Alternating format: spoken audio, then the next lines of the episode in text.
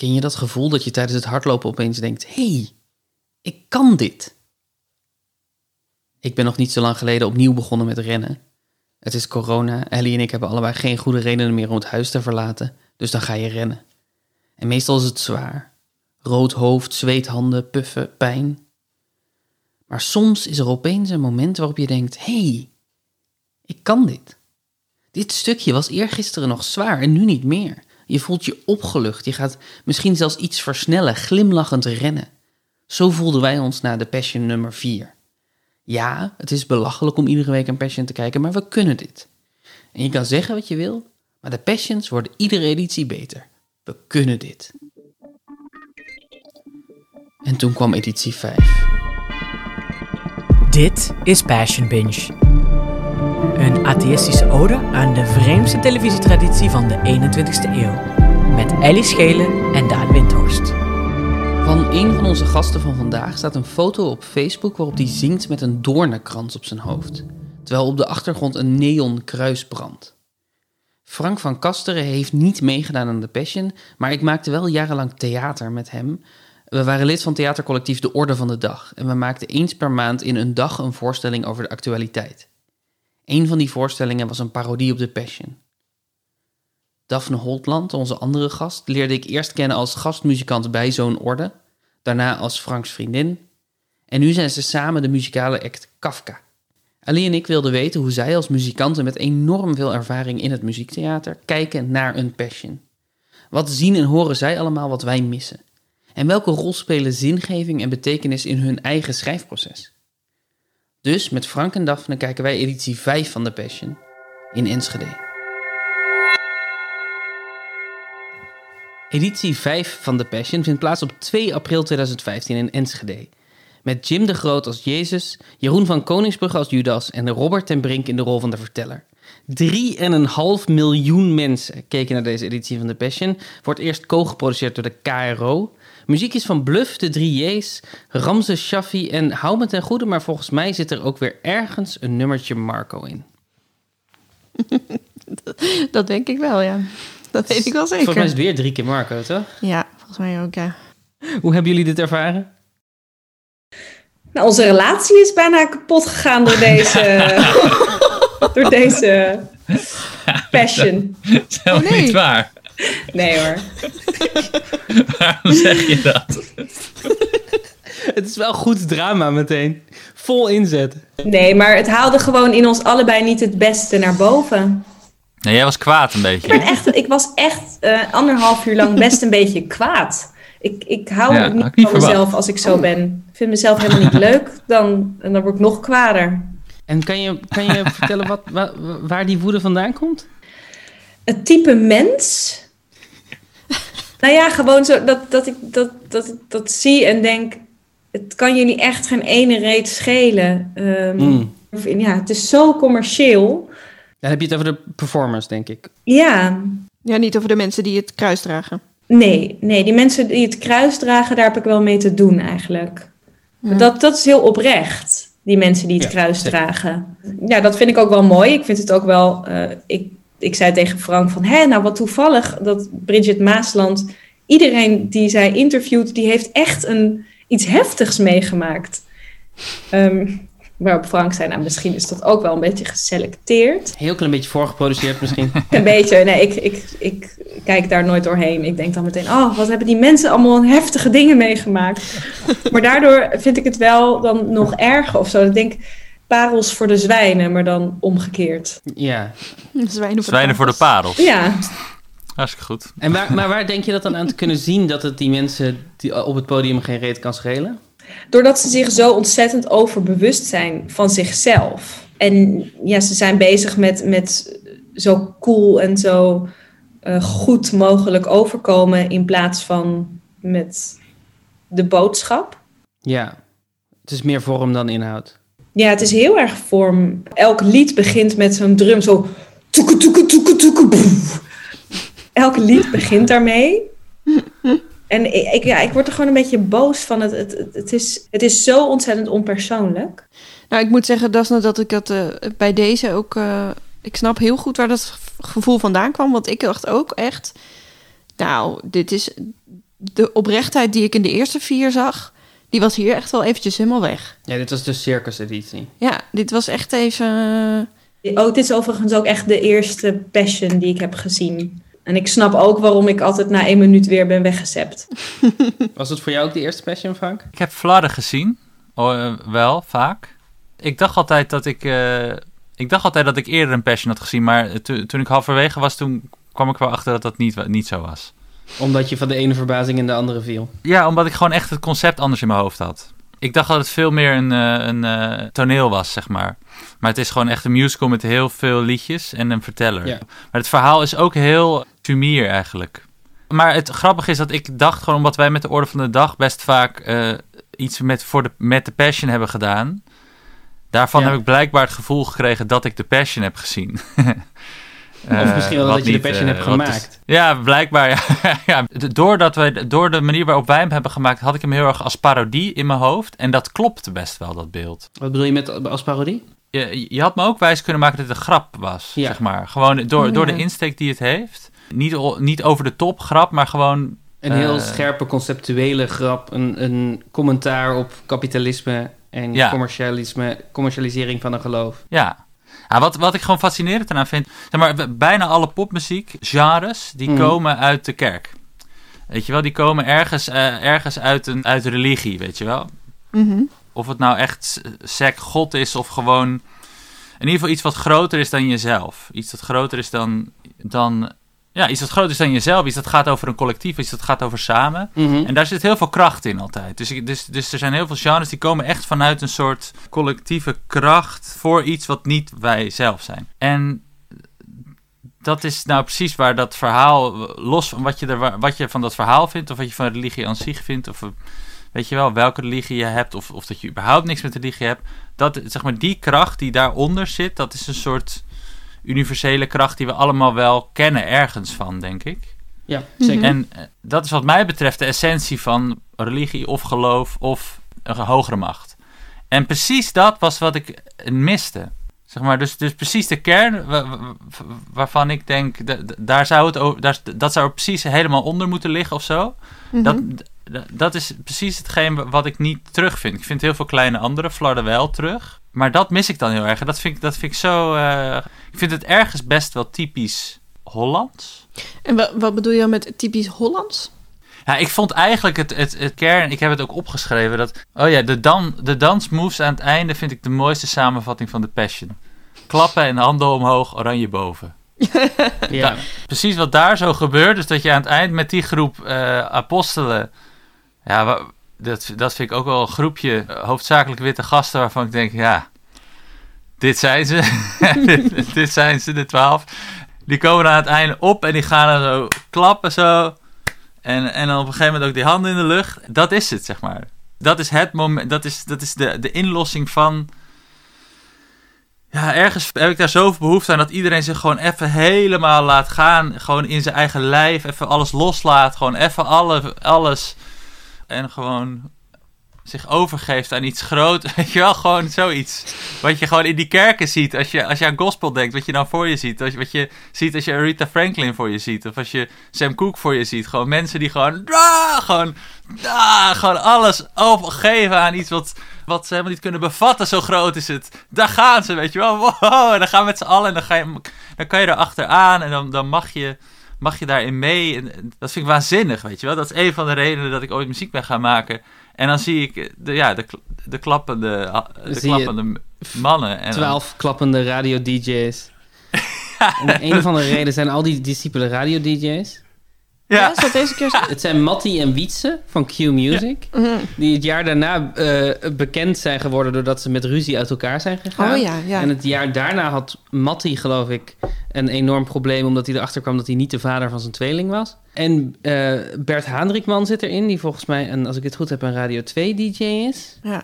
Nee, het, het, het is een, een opvallende keuze voor, voor inderdaad... Nou ja, Robert ten, ten Brink, dat snap ik dan nog wel. Maar die, die, dat is de verteller deze keer. En die gooit er een beetje... Nou ja, niet met de pet naar, maar... Nou ja, ik, ik, ik ben ooit op het internet aangevallen omdat ik had, ik had in een video gezegd dat ik dacht dat Robert ten Brink dronken was toen hij de Passion presenteerde hier.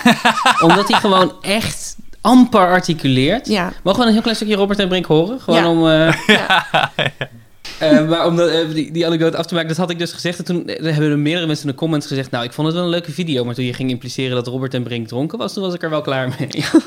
Daar waren mensen echt boos over. ja, dat vonden ze, heel, dat vonden ze dat ik dat niet kon maken.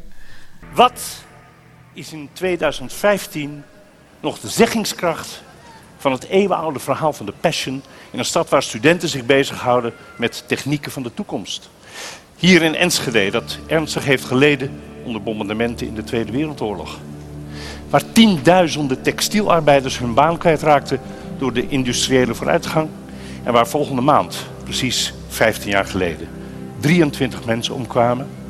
Gezinnen werden getekend bijna duizend mensen gewond raakten door die alles verwoestende vuurwerkramp, die letterlijk en figuurlijk een gat in deze stad sloeg.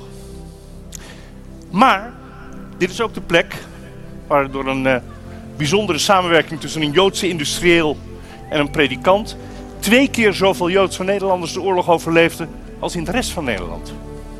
En dit is de stad waar de wijk Roombeek de afgelopen jaren letterlijk uit de as van de vuurwerkramp is herrezen. Letterlijk. En dat alles, dat maakt Enschede bij uitstek ja, een passend decor voor het verhaal van Jezus, de Passion. Ja, hier dacht ik echt... Gast, je haalt er gewoon... Je, je somt gewoon een aantal dingen op over Enschede en zegt... Het is een passend decor. Echt, het is, ik heb geen idee wat dit te maken heeft. Ja, het, misschien de link Leiden. Maar dat is het dan ook. Het is... Ik, ik vond het zo er met de haren bij gesleept. Dat ik Ja, echt zo... ja. Enschede, waar gaat het over? Studenten. Eh, de vuurwerkramp. Het is Nou, echt Wikipedia allemaal- gewoon, of wat je uit de, uit de. Lonely Planet hebt. Maar eh, schrijft hij dit zelf? Nee, deze teksten zijn in principe ieder jaar hetzelfde. Dan, mo- dan moeten ze wel ieder jaar over een andere, andere stad gaan. Maar dit heeft, dit, dit heeft absoluut gewoon de, de producent van de Passion even in een middagje bij elkaar. Nou, waarschijnlijk komt dit gewoon uit het bidboek van Enschede. Dus als je mee wil doen aan de, de Passion, dan moet je zo'n zo'n boek maken waarin je uitlegt waarom jij als stad perfect bent voor de, voor de Passion. En ik denk dat, dat dit daar gewoon in stond, dat ze het hebben gecopy-paste. Gewoon copy-paste overgenomen. Ja, het is inderdaad, hij spreekt wel echt... eh, hij begint zijn zinnen steeds heel erg... Een gat! De as! Ik vond het zo grappig dat ik dus bij Robert en Brink dacht van... nou, het is er echt met de haren bijgesleept. En toen ging Bridget Maasland mensen interviewen bij het kruis. En toen was er een brandweerman en die, daarvan dan dacht ik... volgens mij vindt hij dit ook. Dus, eh, hij wordt gevraagd... eh, was je er bij de vuurbrand, vuurwerkramp bij? En dan zegt hij ja. Eh, en dan... eh, en loop je daarom nu mee? Nou ja, dat is, die vraag wilde ik eventjes laten Ja, kom op. Waarom loop je dan nu mee met deze processie? Heeft dat ook een, een zwaardere rol, een zwaardere betekenis? Nee, dat niet. Het was meer van, eh, ja, god, toen heb je iets heel bijzonders meegemaakt. En deze processie is ook echt iets heel aparts, iets, ja, iets heel bijzonders.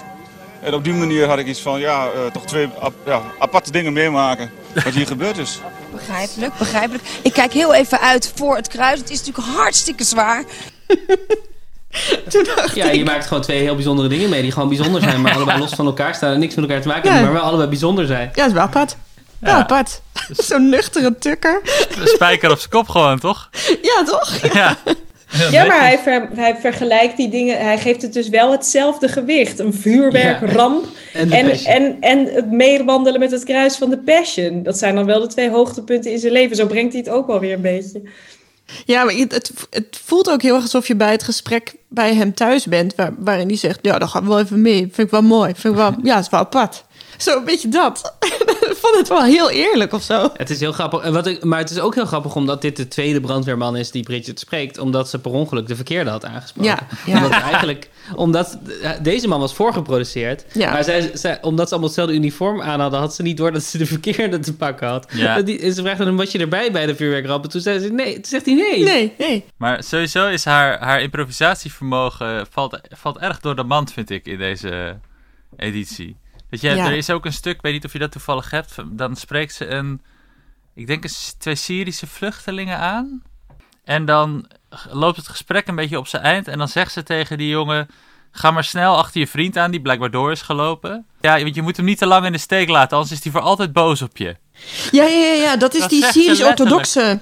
Ja, maar volgens mij gaat het dus over het kruis.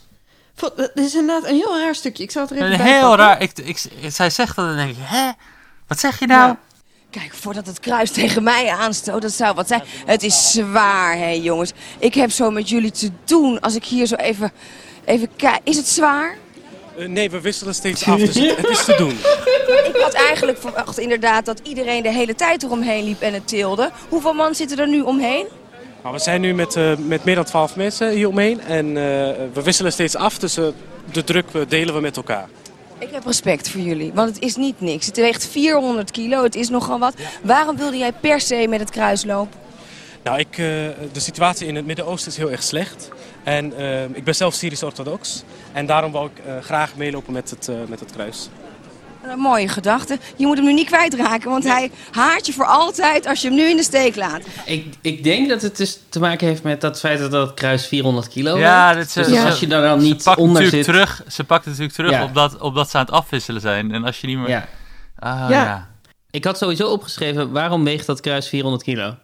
Ja, omdat je Het- moet leiden. Kom, Ja, is dus, het, is dus gewoon een attribuut. Het zijn een, een paar latjes tegen elkaar gemaakt met wat, wat plexiglas erin en, een, en ledlampjes erin. Maar ze hebben daar dus, daar zitten dus bakstenen in of zo om hem zwaar te maken, zodat het lijden is. Ik weet, maar ik vraag me af of het waar is, hoor. Dit is toch niet 400 Of het kilo? Ik geloof dat niet hoor. ook niet. Dat Maar is 400 toch kilo show? is niet zo heel erg veel, hè? Als je dat, daar lopen hoeveel mensen omheen? 16, volgens mij zeggen ze meestal. 400 kilo is gewoon vijf keer ik. Dat, dat kan je echt wel tillen met 10 mensen, toch? Ja. Het is niet zo heel veel, maar het is wel veel meer dan wat strikt noodzakelijk is voor dat kruis om te zijn. dat omdat, het gewoon, omdat het echt plastic is en, en wat lampjes. En dat is het. Het Ja. is hol ook, dat Dus- zie je. Ja, daar- Een lijkkist is dus ongeveer 100 kilogram. Oh, met dat het, met weet het jij. inclusief lijk? Inclusief lijk. Nou, dat valt wel mee. dus het zijn wel vier lijken. Ja, vier wel lijken. vier Maar als je dan dus als je, als je dat goed verdeelt, want het zijn echt wel veel mensen, toch? Die er omheen lo- die dat kruis dragen. Maar misschien is het ook wel zo dat als, je het, als het wind vangt of zo, dat het, het moet ook een bepaald gewicht hebben om niet, niet ineens de lucht. Het zou ook wel mooi zijn natuurlijk, maar Het kruis waait weg is wel een rare kop Ja. om te zien na de Passion. wel een mooie foto. Als je net zo dat hij zo rechtop staat. Ik vind het gewoon een heel grappig idee dat ergens een theatervormgever heeft nagedacht over... oké, maar het moet wel goed zwaar zijn. Hoe gaan we dit zo zwaar... Dus dat Ja. het, dus de- het lijden van, van Jezus was onoverkomelijk en noodzakelijk voor ons allemaal. Ehm, maar het lijden van deze mensen is bedacht door een theatervormgever in een, in een loods in, eh, in houten of zo. Ja, maar het geldt ook voor de rol van... Want als je het dan over die Bridget hebt en, eh, en eh, Robert de Brink... het is ook heel, je voelt ook erg dat het uit, door iemand is gemaakt uit de 90s dit. Je, je voelt je wel weer een beetje terug bij TMF en, eh, en All You Need Is Love, Ja, toch? ja, ja, door de casting. Maar ja. precies door hun rol ook. Ze hebben precies die rol die ze altijd hadden. Gewoon, het is ook een beetje zo... Dat is het enige waarvan ik denk... Waarvan ik dan... Los van hoe ze het doen... denk dat er heel veel mensen denken... Ah, Bridget Maasland. Ja, maar ook de manier waarop zij praat, waarop zij iedereen interviewt. Het is alsof ze kleine kinderen die, die, die straks de, de Pieten en de Sint gaan ontmoeten. Maar dan minder goed dan aardstaartjes. Toch? Absoluut. Gewoon een toon ook. Ik weet niet, dat, het, zij is altijd klinkt zij onoprecht. Ja, ze, ze heeft altijd inderdaad die 90s i- ironische toon of zo. Die neemt zij gewoon mee. Ze zegt ook een soort van... Ah, dan moet ik nu wel even opletten dat ik niet tegen het kruis ga botsen. Hoor, want dat zou wat zijn als ik tegen het kruis opbots. Ja. En als kijker denk je, ja, wat zou het zijn? Er Ja. zijn ook al twee mensen tegen een cameraman opgelopen in deze editie. Ja, en op een gegeven moment ook, dan, dan laat ze zichzelf ook een beetje kennen, vind ik. Want dan zegt ze zoiets van, eh, van ja joh, lopen lekker voor lekker voor, langs het beeld. Weet je, een beetje die telekids-toon bijna. Klopt, Ja, ja. ja. ja ik, ik denk dat dat ook dat, dat, dat, dat een beetje is wat ik net bedoelde met dat ik het typisch Hollands vind. Omdat je voelt dat ze, dat zowel eh, Robert als, als zij hebben helemaal niet intrinsiek, ze voelen helemaal niet intrinsiek het, de, de, de, het belang van, dit, van wat ze staan te doen. Nee. Als je, als je echt het gevoel hebt dat je iets belangrijks staat te doen. Ik heb dat wel bij Maria namelijk. Bij die vrouw die Maria speelt, ik weet niet wat zij, eh, wie zij, wie zij. En ik heb het ook. Sherma Rouse. Oh, zij is Sherma Rouse gewoon. Ah ja. Ja.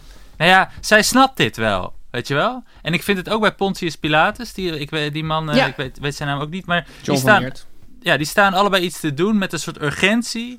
Daar zit iets onder wat, wat, wat in ieder geval voorbij hen zelf gaat of zo. En dat, vind, en dat maakt ze meteen heel veel krachtiger dan de rest. Ja, dat is absoluut waar. Ja, en, en het meest fascinerende, toch los van, van, van, dit, van deze mensen waar we het nu steeds over hebben, is toch wel dat, dat Jim de Groot is gekast voor Jezus, toch? Waarom heeft... is dat fascinerend wat, wat jou betreft? Nou, omdat hij, hij, kan niet, hij kan niet zo goed acteren. Hij kan niet zingen. Gewoon, hij heeft geen charisma. Hij heeft geen zangtechniek. Het is niet echt een Jezus figuur of zo in onze, zeg maar, als je nou nog een soort uh, symbool hij, je, hebt, je kan me ook symbolen voorstellen in onze maatschappij die je... ik zou, eh, ja, weet ik veel. Sylvana Simons als Jezus zou ik snappen. Ook al kan ze misschien niet zingen. weet niet of ze kan zingen. Maar mhm. gewoon, gewoon bepaalde symbolen die, die je daar neer, uh, neer zou kunnen zetten. Hij is ook niet echt de bekendste BN'er. Nee, het is ook niet enorm bekend. En, en, en, en hij is ook niet heel knap of zo. Het is ook niet dat je denkt, wow, wat een, wat een hotte Jezus hebben we dit jaar. Ik hoop wel dat hij niet meeluistert. Nou, mag best. Ik bedoel, hij, dat, weet hij toch zelf ook wel. Nou, sterker nog, dat, dat weet hij zeker. Want uh, dit is dus naast deze Passion is er ook een korte docu van een half uur gepubliceerd. Jim Meets Jesus. En daarin volgen we Jim de Groot. Weet Jim de Groot wel wie Jezus is eigenlijk? Nou ja, amper dus. En uh, hij gaat dan even in het, in het klooster. Gaat, ik heb die docu natuurlijk gekeken. Uh, hij gaat in het klooster om zichzelf te vinden. En um, ik wil in elk geval dit stukje niet jullie onthouden over hoe hij reageert, zelf reageert als hij wordt gevraagd voor Jezus. Wat was je eerste reactie toen de EO belde met de vraag... Uh, Jim, zou jij Jezus willen spelen? Dat het verkeerd verbonden was. dat is ook een van de eerste dingen die ik vroeg volgens mij. Toen ik begreep dat het serieus was... weten ze wel wie ze in huis halen. Want wat uh, halen ze dan in huis? Nou ja... uh, oh shit, wat lelijk. Als je mij googelt of zo, dan kom je niet allemaal foto's met aureooltjes tegen. En het is niet Jim plukt bloemen, Jim zet een kopje thee, Jim gaat met zijn oma naar Tunfun of uh, weet je, Jim loopt met zijn kinderen door het park. Het is over het algemeen toch, Jim laat zijn pik zien, Jim neemt een lijn coke, Jim uh, draait een joint voor een toerist. Jim slaat eens iemand op zijn kanus of die wordt op zijn kanus geslagen. Oh, de EO belt Jim. Wil je Jezus spelen? Ik zag dat niet zo. Ja. Het is wel eerlijk. Ja, hij weet wel wie die is. Hij weet wie hij is, maar, maar Jezus is toch niet iemand die bloemen plukt en thee drinkt? Dat is een enorme, het is een revolutionair, een iemand die tegen iedereen ingaat en, en helemaal niet braaf is. Die, die nee. ja, in tegendeel. Maar hij slaat, Jezus slaat wel niemand op zijn kanus, denk ik. Dat, ik betwijfel dat. Dat is wat wij ervan gemaakt hebben. Als Jezus op zijn kanus wordt geslagen, dan toont hij daarna zijn andere kanus. Toch? Dat is het hele Jezus-ding. Ja. ja. Nu zou je denken, misschien is Jim de Groot na deze docu wat sympathieker geworden. Maar in tegendeel. Ik denk dat hij wel heel eerlijk is en dat hij weet wie die is. Maar de arrogantie waarin hij gewoon het hele programma lang ook blijft zeggen: Ja, ik, denk dat ik veel gemeen heb met Jezus. En ik denk ook dat Jezus me eens is dat ik hem speel. En ook aan het einde, als hij dan uh, in die scènes die dan voorop worden genomen, aan het zingen is, dan vraagt van: voel je je nu? Ja, ik voel me nu wel een Jezus. Ja, het is een soort behoorlijke zelfoverschatting. En dan ook de, de scènes op die set, dus met Jeroen van Koningsruggen erbij, en Jeroen van de Boom en Ruben van, van der Meer. Er hangt daar een sfeer dat ik echt dacht ja, dat voelde ik al tijdens het kijken van The Passion. Inderdaad, een club witte mannen met zo echt, echt haatjesgedrag. En houten klazen, jongen. Echt houten klazen. Vliegen afvangen. Eh, eh, helemaal niet wat ik me voorstel bij warmte. Of, of een soort van, we gaan samen dit verhaal vertellen. Nee, we worden hier allemaal voor betaald. En we willen allemaal met ons gezicht op... Uh, op... Een schnabbel passion. Ja, ik vond het echt uh, een beetje naar, werd ik ervan. Nee, ik, dacht, ik dacht nog van, omdat we het zo hebben over hoe zou het... Want dat zegt Robert en Brink ook. En in het begin zegt hij van... Ja, hoe zou het, het, het verhaal van Jezus in deze tijd... Uh, hoe zouden we de vertaalslag naar deze tijd naar Enschede kunnen maken? Uh, en toen dacht ik nog van, zouden die discipelen dan een soort van...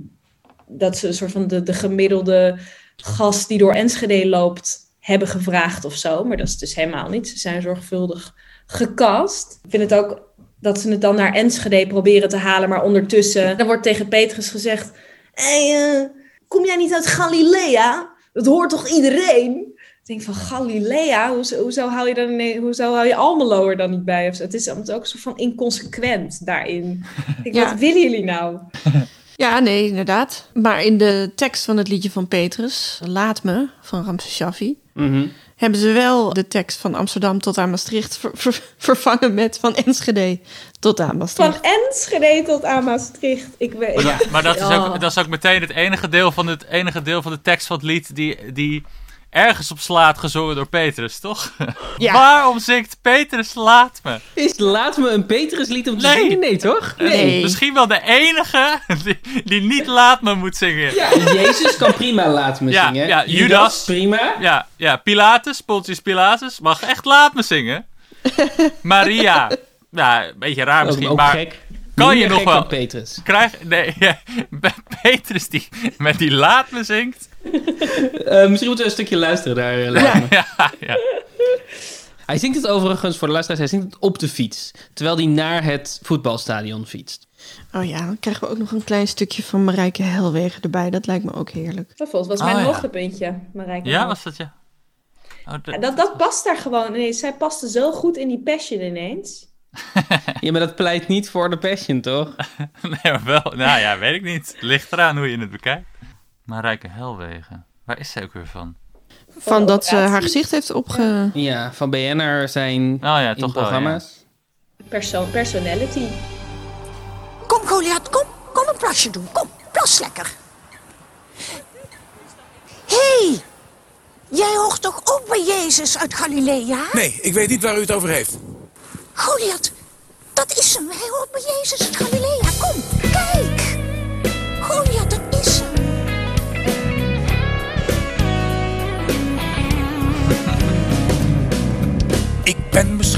Te laat geboren. Of in een land met ander licht. Ik voel me altijd wat verloren. Al doet de spiegel mijn gezicht. Ik ken de kroegen, kathedralen. Van Enschede tot aan Maastricht. Toch zal ik elke dag verdwalen. Dat houdt de zaak in evenwicht. Dat, ehm, dat nummer, die zin uit dat nummer. Ik Mhm. ken de kroegkathedralen van Amsterdam tot aan Maastricht. Toch zal ik elke dag verdwalen. Dat houdt de zaak in evenwicht. Is een maand of anderhalve maand na deze Passion verkozen door kenners tot mooiste regel uit het Nederlandse lied. En de makers van de Passion hebben hem herschreven. Ja. ja, en volgens mij is het ook niet met een goede metrum. Wat er gebeurt is dat J- eh, Jeroen van der Boom in de rol van Petrus Mhm. op de eh, is hij op de fiets aan het begin van de, van Ja. de als hij wordt herkend door Ja, eh, zeker. Marijke laat, laat haar hond uit, maar ehm ja door hond Goliath. Ja, het- Goliath. Het opent met een shot op de fiets, inderdaad. Eh, en dan loopt er iemand langs met een hond en heeft dan de behoefte om tegen iemand die hard aan het fietsen is te roepen: hey, ben jij niet? dat is ook dat je denkt: hè? Dit is, Nou ja. ja. dit is het allerlelijkst. Toch? Dit is gewoon het, dit is de passion op zijn allerlelijkst. Maar deze, deze, uit, ja, de- deze uitvoering van dit lied ook. Want dit, dit is zo'n mooi lied. Ja. En dit Ja. is echt bij far de lelijkste uitvoering. Hij is echt vaak uitgevoerd. En het is echt bij far de lelijkste uitvoering die ik ken. Gewoon omdat alles, op een of andere manier, is de, is de interpretatie blijkbaar van de mensen die de Passion hebben gemaakt. Dat alles, zolang je alles met een soort spierballen doet. Ik denk dat dat hun interpretatie van kracht is of zo. zo van, eh, het is een beetje alsof de regisseur aan het begin tegen iedereen heeft gezegd: Jongens, wat we ook doen, het moet krachtig zijn. Ja, Mensen moeten een krachtig gevoel hiervan krijgen. Zo Keihard aan de drugs allemaal ook. Nee, gewoon kracht. Gewoon, ze hebben alles met een soort. Gewoon een soort. Gewoon, alsof dat overtuigingskracht heeft of zo. Ze hebben de nuance eruit gehaald daarin. Ja, ik vond wel, want dit refrein, ik ga hem even door laten spelen. Want ze hebben dus inderdaad een soort stoerheid in dit, dit eh, couplet. En dan, dan wordt hij, wat mij betreft, behoorlijk sentimenteel in het refrein. Waardoor, waardoor ik dacht, oh, dan wil ik toch liever dat, dat spierballen gedoe, denk ik. Laat me. Laat me. Laat me mijn eigen gang maar gaan. Hey. Laat me. Laat me. Ik heb het altijd zo gedaan. Toch? Nou, maar Ik- je ik- hoort ja, wel ik- dat Jeroen van der Boom nog nooit iets. eh, iets die weet helemaal niet wat laat me betekent. Die heeft nog nooit iets op zijn eigen manier gedaan. dat, is- dat hoor je, ja, maar dat hoor, je, hoort, het- je hoort helemaal niet iemand die denkt... Laat me nou even. Je hoort iemand die denkt, ja, de tekst is laat me. En dit is de melodie. Ja. ja, Laat me is niet een lied wat je netjes moet zingen. We zeiden ook volgens mij, toen dit nummer werd ingezet, toen keken Frank en ik ook meteen naar elkaar van, dit, dit mag echt niet, hè? Nee, nee dit, dit mag gewoon niet. Nee, en ik heb hetzelfde had ik bij Dear Week. Ze doen Dear Week ook nog. Van, eh, dat is een van mijn favoriete... Ja, is het een guilty pleasure? Nee, ik vind het gewoon een prachtig lied, Dear, Dear Week. De- ze hebben een vertaling van Dear Week. Ik, waarschijnlijk heeft Guus Meeuwis die gemaakt, want die maakt altijd die vertalingen. Ja, ja, de weg van Guus Meeuwis. Ik dacht, ja, ja. Dear Week, oh, Dear Week is een, is, een, is een lied van eh Greunemeyer. Heel bekend Duits lied en ik vind het fantastisch. Ik vind het prachtig. Maar, en, en dat gingen ze doen. Nou, ik vind die vertaling niet goed. Maar ze- zij, gewoon omdat zij wel snapt Sure, ergens waar het zit of zo. De algemene, komt ze ermee weg, weet je wel? En dat, heeft, dat, heeft, dat, dat lukt Jeroen niet. Nee, maar het is ook, een, het is ook wel... Het, is, het nummer klopt niet. Nee, nee, het is ook wel echt slecht inderdaad. Hij had het niet... Hij, daar kan hij niks aan doen natuurlijk. Dat hij, En Nee. ook wat hij daar aan het doen is, klopt niet helemaal met die... Fietsen bedoel je? Ja. Waarom fietst Petrus? Wat is dat? dat Ja. Ik snap dat dat er, ook weer als je het hebt over spierballen, dat het cool is om een scène op een fiets te hebben en beweging en wat dan Nee, ook. ik En- denk, dat dat, ik denk dat dat puur zo is gekomen doordat ze zeiden van... Hoe kunnen we het nog meer naar het nu vertalen? Nederland, Oh ja, fietsen. Petrus op een oh fiets. leuk, doe het op een fiets. Ja, dat is lekker Hollands. Kom jij niet uit Galilea? Ja, Ja, want waar, waar, wie moet hem dan laten op dat moment? Dat vraag ik me echt af. Zeg maar, wie Je- wilde ik? Jezus misschien? Jezus zegt, jij gaat mij ontkennen. En hij zegt, nee, la- laat me, ik ga je niet ontkennen. En dan ontkent hij hem. Het, Zoiets. het, gaat, het gaat gewoon om die, die... de- Ik vrees dat het gewoon is... eh, omstanders zeggen... hey, hoor je niet bij Jezus? Nee, laat me. Denk je niet dat dat gewoon de, de link ik is? Ik, dat dat ik de realiseer me dat nu pas. Dat Ja. dat natuurlijk de ingang is Ik voor dit dat dat nummer. de lezing is. Oh, wauw. Ja. met rust. Ik hoor niet bij Jezus. Laat me. Ze hebben gewoon laat me anders geïnterpreteerd. Ze hebben laat me Ja. in de meest oppervlakkige vorm mogelijk. Namelijk, laat me met rust. Laat me even met rust. Ik, ik dacht ehm, misschien een stukje van Der Week. Een van eh Frank's Ja. lievelingsnummers. Gewoon van Greunemeyer dan? Of? We wilden geloven in het eeuwige leven. Samen verscholen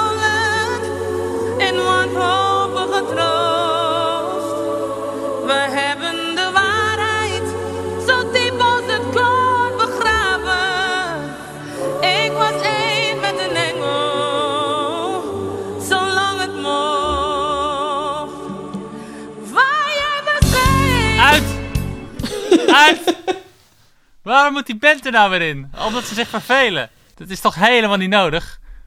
Nou, ik, moet, ik moet inderdaad zeggen dat ik dit nummer, eh, dat ik dit wel echt een hele goede poging vind voor wat de Passion is. Ja. Voor wat ik denk dat de Passion zou Tot kunnen die zijn. band Met zo- inkomt. Met zo'n engelenkoor, weet je wel, zo Ja. Mooi gezongen. mooi overtuigd gezongen. Ja, ze snapt waar die tekst over gaat. Ja, precies. En dan komt die band. En waarom, komt die, waarom die band, Frank? Waarom doen ze dat? Ja, weet ik veel, omdat de regisseur heeft gezegd... En band. Nu is het toch wat te lang, nu wordt het een beetje saai. Nee, maar ik snap niet waarom... Oh, eh, ja, ik snap het niet. Ik denk echt op, van wat ik net, net zei, omdat ze dachten... Oké, nu aan het einde moet, die, moet het weer... Ze snappen niet dat dit krachtig is, denk ik. Degene die hier de baas is, die snapt niet dat wat, wat zij daar staat te doen met dat koor op de achtergrond... dat daar heel veel kracht in zit. Wie is hier eigenlijk de baas?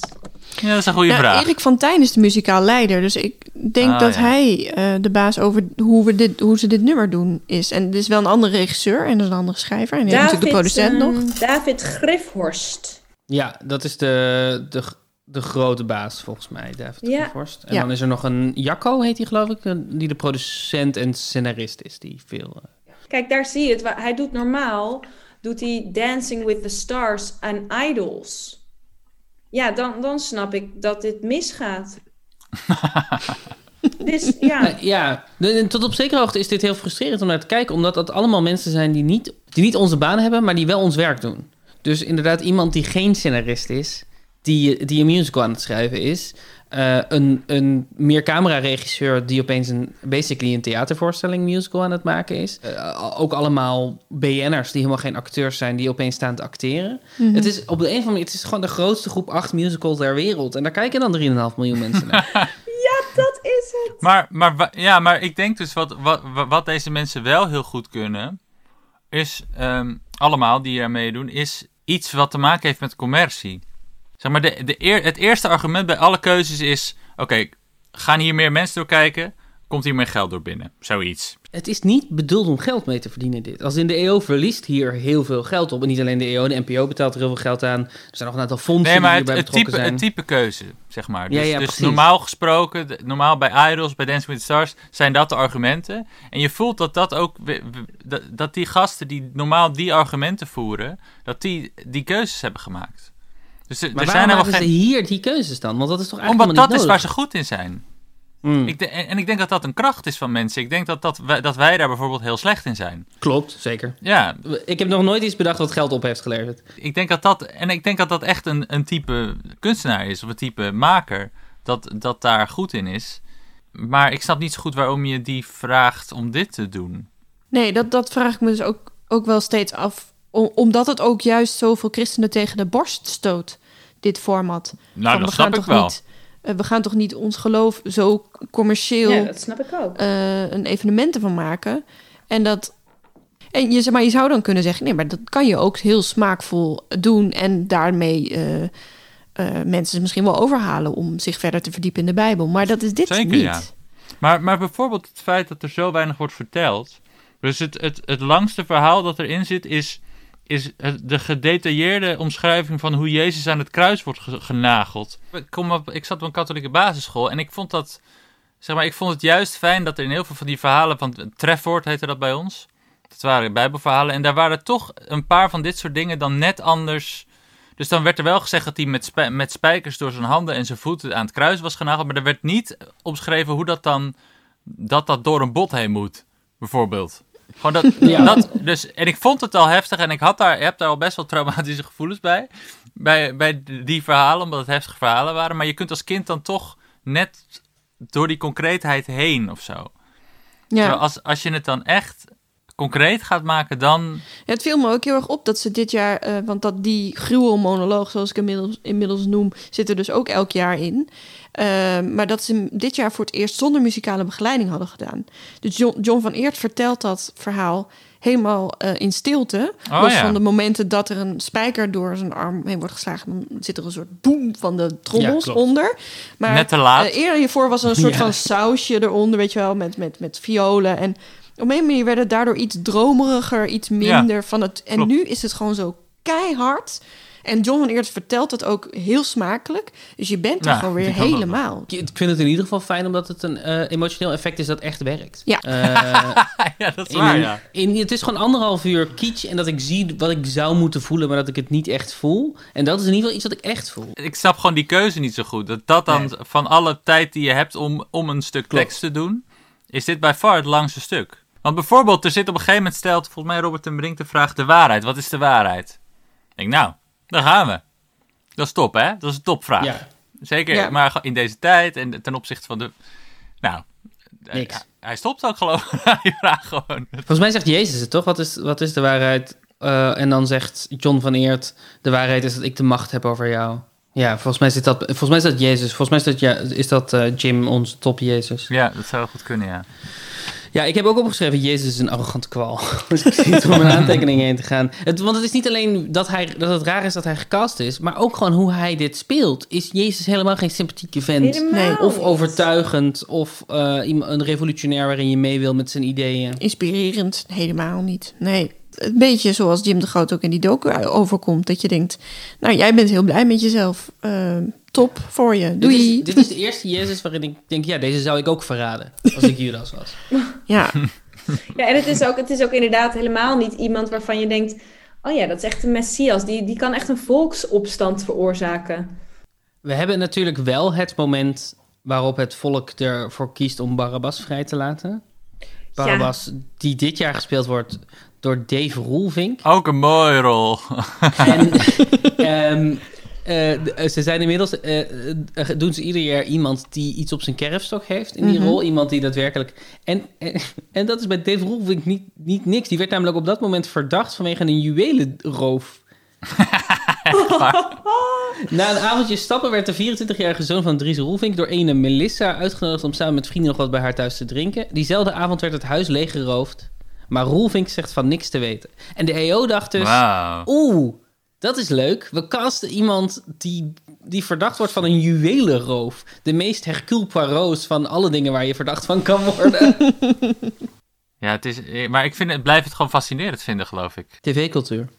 Nee, dat, dat soort mensen. Dus dat je, Ja, dus dat je, dat je, dat de reden dat je bekend bent is dat je bekend bent. Ik snap, niet, ik snap gewoon niet hoe het werkt, misschien.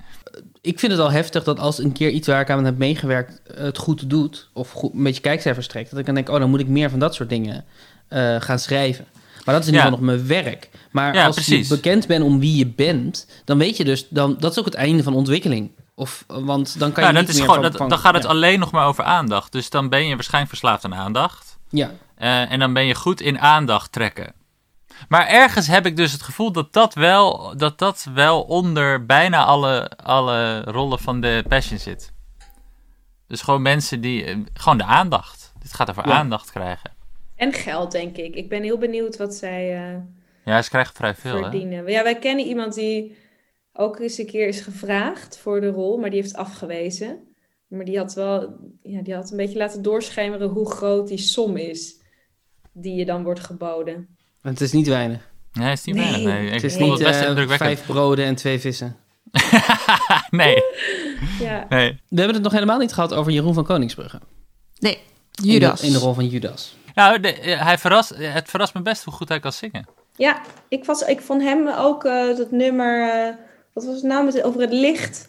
Wit licht. Wit Van Mark licht. Borsato. Ehm, maar het werkt, altijd, eh, het werkt altijd goed als je, een, als je het refrein een octaaf hoger zingt dan het couplet. Eh, dus, dus dat je vrij laag begint met eh, dus, en dan komt het refrein en dat is gewoon een octaaf hoger. Dat is altijd indrukwekkend. Maar hij doet het erg goed, want, want het zit gewoon echt op zijn stem. Kracht. Dit vond ik dan wel weer lekker. Dit vind ik wel een beetje Blue Man Group of zo. Ja. het is wel iets wat, waarvan ik me ook kan voorstellen dat het live gewoon heel goed doet. Als je op zo'n eh, tribune staat. Ik ben een mens van vlees en bloed, een druppel in de oceaan, onherkenbaar. Hier, hier wist ik nog niet dat ik kon zingen. Nee. Een Hij doet het een beetje zo. woestijn, zo slokt de menigte Hij is iets, iets te veel naar de scene geluisterd, denk ik. Maar gedragen door het witte licht Stijg ik uit boven mezelf Ken ik even geen Is dit een octaaf hoger, bedoel je dit? Dan een schaduw in Ja. het Oh ja. Ogen in de zon Dek ik mijn gezicht Ook een beetje, ram, een beetje Ramstein. Ramstein? Nou, een beetje zo die Duitse. Ik vind het ook wel een beetje Duitse, Duitse invloeden. Dit is de grootste hit in 10 jaar Passion. Eh, dit heeft inderdaad Jeroen van Koningsbrugge hierna nog als single uitgebracht. Oh, echt? En dat is ook nog een nummer 1 geworden. Er was toch heel veel gedoe op, want de EO had het hem eigenlijk verboden. Oh. Ehm, omdat het is gemaakt met publiek geld. Het is toch gewoon een lied van eh, Marco Borsato? Ja, alleen de arrangementen niet. Arrangementen zijn van Erik van Tijn. En die, die zijn gemaakt met publiek geld. Dus wilde de EO niet dat Jeroen van Koningsbrugge daar geld mee ging verdienen. Eh, omdat ze bang waren voor een boete van de reclamecodecommissie. Mm. Maar uiteindelijk hebben ze geloof ik net andere arrangementen gemaakt. En heeft hij het toch uitgebracht. En ehm, heeft hij er heel veel geld mee? Nee, nee, nee. Volgens mij ging het geld naar het goede doel. Volgens mij is het geld uiteindelijk naar het goede doel gegeven. Oké, dat vind ik... Nou, nou, ik geloof ik ook niet meteen, maar... Ik, weet ik, niet ik, ben heel eh, cynisch. Vooral Marco verdient er veel geld aan, hoor. Of in ieder geval degene, waarschijnlijk John eh Eubank. Degene die het heeft geschreven, die verdient het de meeste geld eraan. Is dat een verdienmodel om, om nummers te schrijven die mensen daarna gaan coveren? Ja. Ja. Dat is wat John Eubank, daarom is, heeft John Eubank een heel groot huis. En dat is op zich qua, qua muziek de slimste set. Om, om, om te gaan schrijven voor artiesten en te zorgen dat zoveel mogelijk wordt gespeeld. En, eh, Ja, ik heb bijvoorbeeld een, eh, met, met mijn bandje Zazie, een, eh, hadden wij een hit, een zomerhit, een heel aantal jaar geleden. Eh, die stond dan in de top 40. Eh, en wij hebben dat ingezongen met z'n drieën. Mhm. Maar wij hebben er eigenlijk niet echt aan verdiend. Dus eh, je, krijgt er, je verdient eigenlijk vooral geld bij een hit als je of de tekst of de muziek hebt geschreven. Maar als je uitvoerend artiest, mm, dan zit er niet veel in voor je. Dat is heel, dat is heel jammer voor ons. Ja, bij een hit Ja. verdien je geld als je het hebt geschreven, eh, tekst of muziek. Fascinerend. Ja. Dat dat Kunnen jullie is. ook doen? Liedteksten schrijven. En Ik heb wel eens liedteksten geschreven. Ik heb er nog, nog nooit geld mee verdiend. Nee. Nee. Dan moet je andere teksten schrijven, Daan. ja. Nou, als we het dan hebben over teksten, dan wil ik wel heel even een licht werpen op de tekst van het eerste nummer wat eh Sherma Rouse zingt. Dat is namelijk Samen voor Altijd. En dat is van Marco Borsato. En ik, ik, ik heb er pas iets over opgeschreven in mijn aantekeningen toen het nummer van Claudia de Brij begon. Ehm, mag ik dan bij jou, wat later is. Toen heb ik opgeschreven, ik ben, geen, ik ben niet per se fan van de teksten van Claudia de Brij. Maar in vergelijking met het lied wat Maria net zong, is dit Hugo Claus. Want echt, ehm,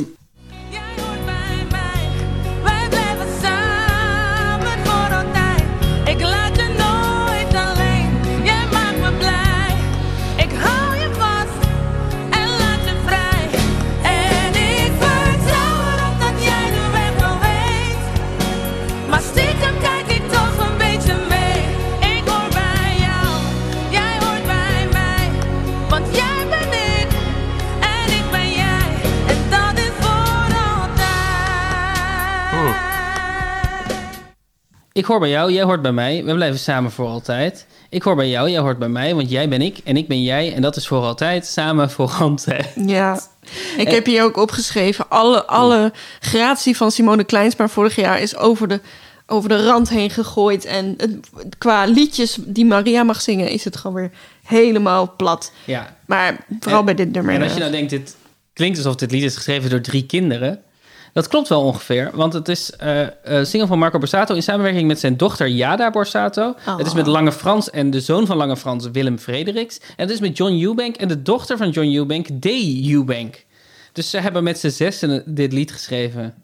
eh, als een soort ode aan, aan kinderen en, en ouders. En dat is natuurlijk heel lief. En ze komen niet verder dan jij hoort bij Ja. mij, ik hoor bij jou, want jij bent ik en ik ben jij. Ja, dat maakt het wel een stuk liever. Maar je kunt ook gewoon, gewoon bij je houden, toch? Gewoon lekker Ja. op, de, op de familiedag doen en dan daarna nooit Ja. meer. Maar dit nummer is wel, als, ze dan, als zij dit zingt en ze gaan het publiek filmen, de emotie op de gezichten van het publiek. Dit Mhm. nummer raakt ze zo erg.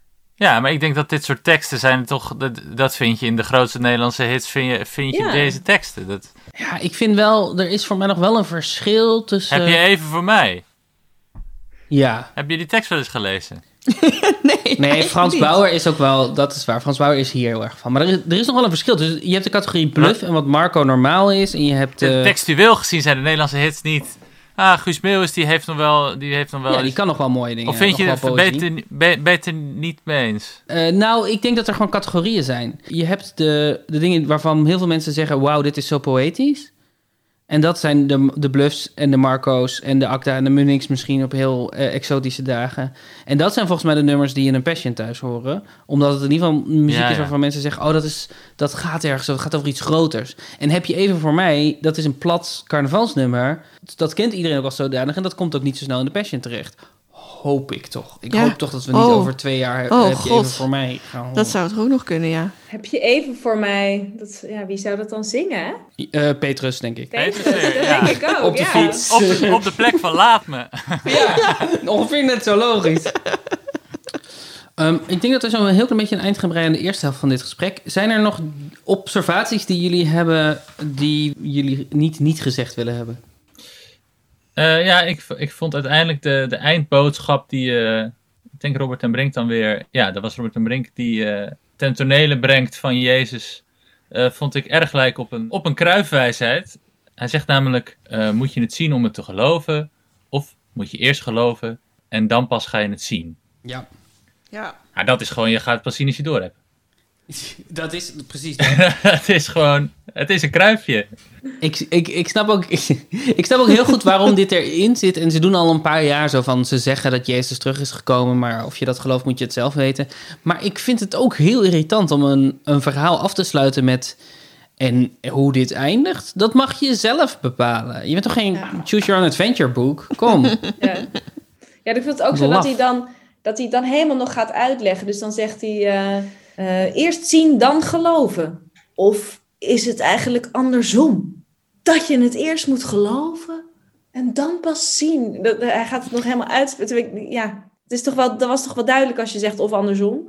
Ja, klopt. Je hoort ook die soort van het harpgeluid terwijl de camerabeweging naar boven beweegt naar op die soort van droomsequentie in. Naar de eh, Alpha-toren. Zo net iets hoger gaan praten. Ja. Het is heel lelijk wat hij daar doet. Hij was daar ook echt kacheltje lam al natuurlijk. Kijk, ik heb het een beetje gezegd hoor. Kijk, ik heb geen ruzie met mensen op het internet. Nou, ik wilde het nog wel eh, niet on- onbenoemd laten dat John van Eert, die Pontius eh, Pilatus speelt, een tweede nummer heeft op een nieuwe plek. Ja. En eh, dat is echt het minst toppersachtige nummer wat er tot nu toe voorbij is gekomen in The Passion. Eh, dat is echt eh, een beetje een cabaret-achtig nummer. Het is De dijk, De dijk, met recht in de recht ogen. in de oven, ogen. Recht in de oven.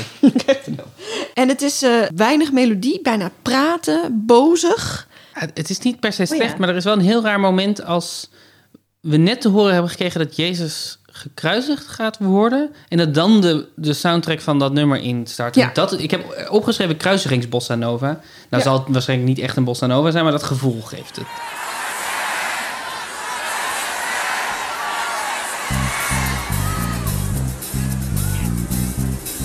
Is toch raar? Ja, het is een hele rare overgang.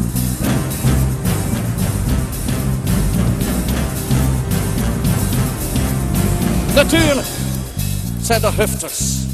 Er zijn klootzakken en slijmjurken, misdadigers. Ik vond dus dit wel echt veruit de moedigste keuze van deze hele Passion.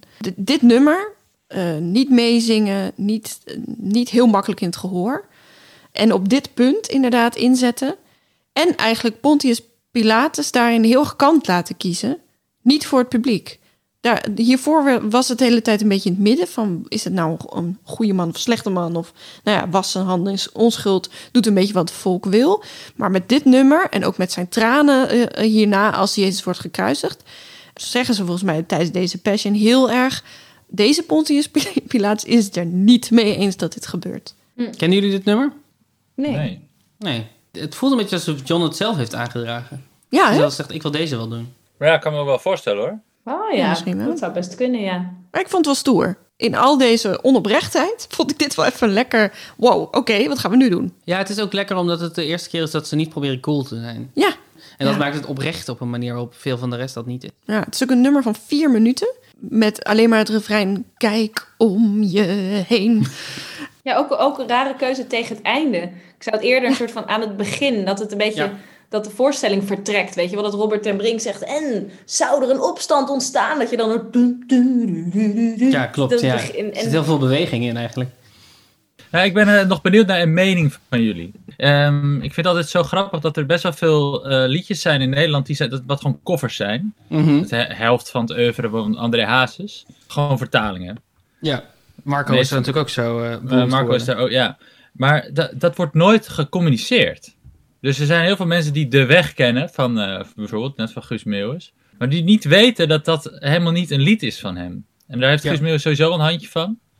Dus liedjes kofferen en, en dan doen alsof het zijn eigen lied is. Ik vind dat echt schandalig. Ik vind dat echt dat je dat gewoon altijd in, in alle aankondigingen... Moet, je moet dat gewoon heel duidelijk zet- zetten. Of ik ben benieuwd wat jullie daarvan vinden eigenlijk sowieso. Nou ja, ik wist hiervan ook niet dat het van de weg wist ik ook niet dat het een cover was. En we hebben het wel eerder ook in de Passion gehad dat ze dan heel hard roepen aan het begin nummers van, van Nederlandse bodem. En dat er dan Ah, dat is het ding, ja. Dylan wordt gecoverd. Je denkt, Ja, dus ik, ik vind eigenlijk dat als je suggereert dat je allemaal nummers van Nederlandse bodem, dat wil gewoon zeggen dat ze hier gemaakt zijn, vind ik. Ja. En als Ja. je dan gewoon Italiaanse en Duitse nummers gaat doen, waar wel een Nederlandse tekstvertaling van is gemaakt, maar eh, dan, dan klopt dat toch niet? Nee, maar ja, ze, ze zijn natuurlijk sowieso niet echt bezig met crediten of zo.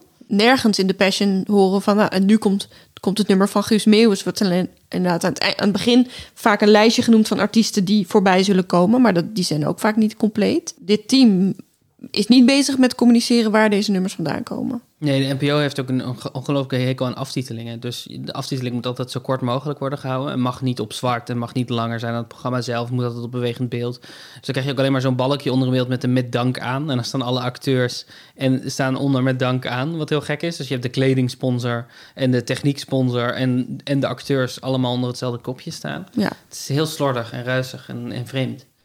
Ja, ik vind dat bij Ja. muziek wel vaker hoor. Het is gewoon heel respectloos bijna dat het... eh, Ja. Het is gewoon een muziekprogramma wat je, wat je zit te kijken. Ja, maar weet je wat? Ja. ik ken wel. Ik heb gewoon heel veel dit soort grootse evenementen gezien. Of, of dan als onderdeel, een onderdeeltje meegedaan. En dat de mensen die hierachter zitten, die hebben helemaal niks met muziek te maken. Of met, met die, die hebben er helemaal geen verstand van. Dus, dus de mensen die de aftiteling moeten maken, of die, die het persbericht moeten schrijven of de aankondiging moeten doen, die hebben ook echt geen idee. Dat is ook wel schandalig. Maar er is altijd te weinig tijd en altijd stress en ja. haast. En, en ja, dit is niet verzorgd wat dat betreft. Het moet gewoon zo snel mogelijk, zo commercieel mogelijk, er zo flitsend mogelijk uitzien. En dat, ik- dat wil niet zeggen dat ik het, er niet, dat ik het niet afkeur hoor. Dat hele, dat hele idee van, eh, van Nederlandse bodem, van eigen bodem, dat is ook helemaal niet omdat ze daadwerkelijk willen vieren wat we op eigen bodem hebben. Dat is omdat ze beroemde dingen willen. Dus als Guus Meeuwis een nummer beroemd heeft gemaakt, dan is dat genoeg. Dat het beroemd is, omdat het, Guus Me- omdat het van Guus Meeuwis is. En dan kan het hen echt niks schelen dat Guus Meeuwis dat heeft gestolen van een of andere Duitser. Nee, klopt. Nee, de, ik ben het wel met je eens, Frank, dat eigenlijk die verwoording aan het begin van Nederlands bodem, dat die er eigenlijk uit moet. Ja, gewoon iets, iets meer respect voor de, voor de makers van een lied. Gewoon Ja. iets, iets, maar een beetje. Ah, als ik, Ja, gewoon maar als een- ik jullie moet geloven, dan zijn de makers van het lied wel degene die er daadwerkelijk eh, nog geld voor vangen uiteindelijk. Dat is waar. Nou, dat ligt eraan. hè. Kijk, de, de, in heel veel landen is, is dat systeem helemaal niet zo goed geregeld. Dus dan is maar de vraag als in Nederland iets wordt opgevoerd... of het dan eh, of Ja, het geld dat in is- Amerika komt. Maar, Ja. Nee, maar het is wel waar. Ik wil nog één laatste, laatste kanttekening plaatsen hierbij. Mhm. Namelijk Jezus, eh, Jezus die door Robert ten Brink als Dr. Love wordt opgevoerd. Het is een Dat ding, hè? Ja. Ja, dat vind ik prachtig. ik, vond, ik moet ook zeggen, dan, dat is net na of net voordat Jezus zingt... open je ogen voor mij, loop je geluk niet voorbij. Wat ik ook niet een Je- Jezus-achtig... iets- Dat vind ik wel een Dr. Love ding om te zingen... maar ik vind het niet een Jezus-ding om te zingen. Nee. Hallo, hey, eh, hou me in de gaten, ik ben je geluk. Ik ben die- superleuk. Ja, alsof hij een krijtbord is buiten bij, in een leuke kroeg of zo. Maar niet, dit is toch niet hoe Ja. Jezus erin zou moeten staan? Nee. Nou, en, en ik vind het heel geinig dat hij daarmee heel, heel stiekem een hele kleine link met zichzelf en Jezus legt. Ja, ja, ja, tuurlijk. Gewoon, normaal ben ik Dr. Ja. Love. Maar misschien is Jezus vandaag wel Dr. Love. Superleuk dat jullie luisteren naar Passion Binge. Daan en ik maken ook Puzzle Brunch, een podcast waarin we elkaar opvrolijken met puzzels, quizjes en raadsels.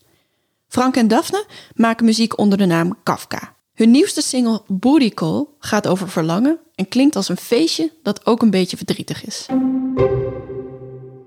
Hoi, ik ben Kim van Kaam. En ik ben Suus de Braak. Samen maken wij Laten we het een safe space noemen. Een onderzoeksprogramma waarin we onszelf en anderen vragen stellen over gewetensthema's die in onze levens een rol spelen. Wat levert het op om iemand te cancelen? Die een mening vertegenwoordigt waar jij je niet mee kan verenigen. Eh, eh, ben je bekend met de term cancel culture? Wel een beetje. Wat is het volgens jou? Ehm, En bedoel je met wie ik op papier ben? Van je, Mijn je identiteit als kunstenaar? Of eh, gewoon Nee. mijn kenmerken? Witte, Ja. cisgender, heteroseksuele man van bijna 40. Ja, die? Begrijpen betekent niet dat we begrip hebben. Nee, begrip heb ik niet. Dat gaat ook nooit komen. Eh, maar ik wil ze wel begrijpen. We onderzoeken het fenomeen cancel culture in de podcast Laten we het een safe space noemen. Nu op Spotify en in je podcast app.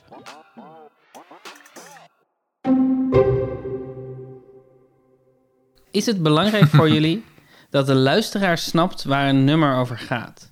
Als jullie het hebben gemaakt. Voor mij niet. Nee? Ehm, ja, ik vind het een hele goede vraag. Eh, Ik vind dit precies de misvatting van, van, eh, van heel veel muziekluisteraars. Wat, wat ik het mooie vind aan een kunstwerk, eh, whatsoever, dus of het nou een schilderij is of een lied of, of, een, of een stuk, is dat, je, dat het een reflectiemiddel is. Mhm. Dus dat, dat als jij er naar kijkt, dat jij ziet wat jij. Wat jij dat, dat, dat, jij, dat jij mag bepalen wat je ziet.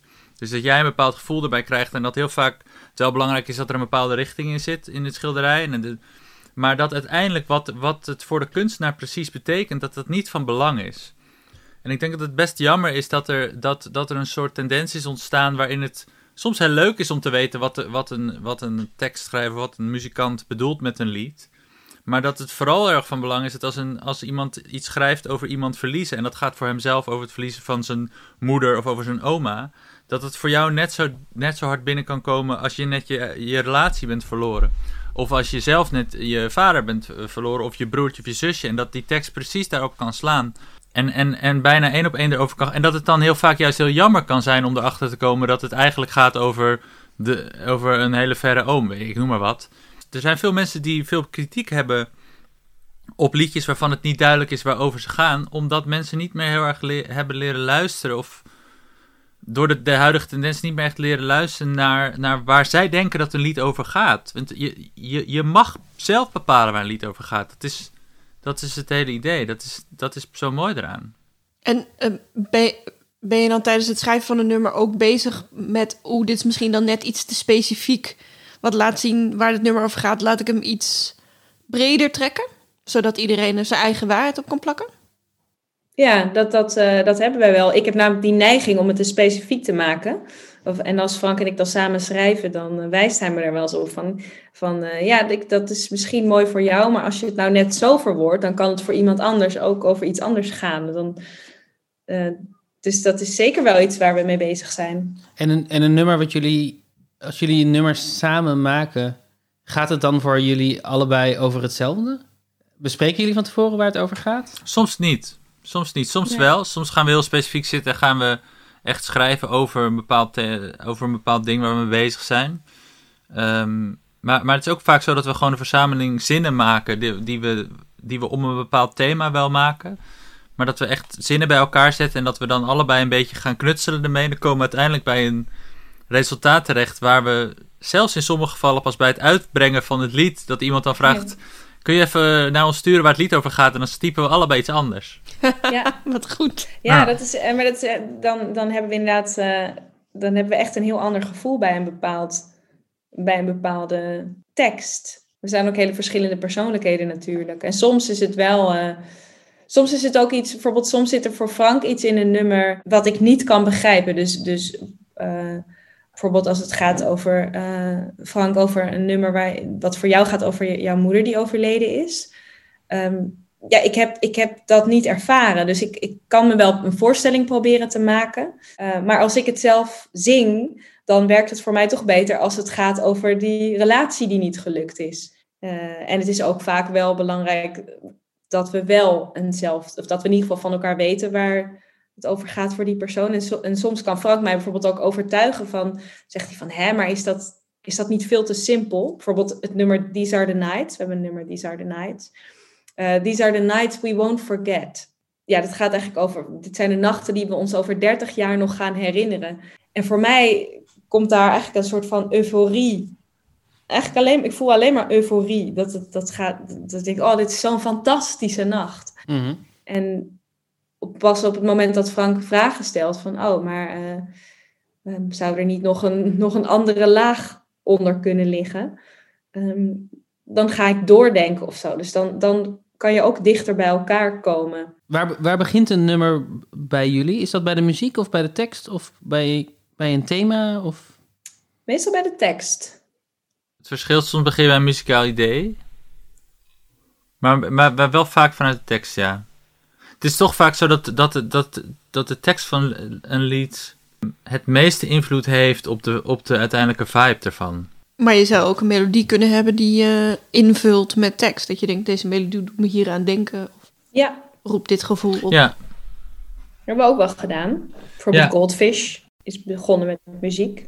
Ik vind het altijd gewoon een lekker startpunt. Dat je, dat je... Maar mu- muziek, muziek zie ik altijd zo een beetje zoals duizend opties of zo. Je hebt echt, je kunt, je kunt duizend dingen doen. En je moet voor jezelf een soort kader maken. En dat kader is enerzijds waar je zelf in zit qua vibe. Maar anderzijds kan een thema heel erg goed, heel erg fijn kaderen. Dus als je Ja. nu tegen me zegt, maak iets. Dan, dan weet ik gewoon, dan heb ik zoveel opties. Terwijl als je tegen me zegt, maak iets over sneeuw. Dan weet ik meteen wat ik moet doen. En, en daarin eh, vind ik, het dan, vind ik het dan bijvoorbeeld, of hebben wij eigenlijk samen altijd de neiging om, om, eh, om eerst samen te gaan zitten en gewoon maar eens 40 zinnen over sneeuw te gaan, eh, gaan roepen naar elkaar en op te schrijven. En dan is een muzikaal themaatje te gaan bedenken. Oh ja. Weet je wel, dat je, omdat je dan in een gezamenlijk soort. Dat kun je ook muzikaal doen, van oké, speel eens iets over. Maar dat, dat is textueel, is dat gewoon. eh, ze- samen bij, weet ik veel, bij kampvuur of zo. En dan dat eerst doen en dan muziek gaan maken, dat werkt heel, heel goed. Ja, ook omdat je, ehm, ik vind zelf een tekst schrijven echt heel lastig. En als je, heem- als je je tekst af hebt, dat, ja, dat weten jullie waarschijnlijk ook, dat is een soort, dat is zo'n puzzeltje. Dus als het, als het eenmaal goed loopt en het metrum loopt goed en het past allemaal precies en je hebt dat ene woordje gevonden dat daar hoorde.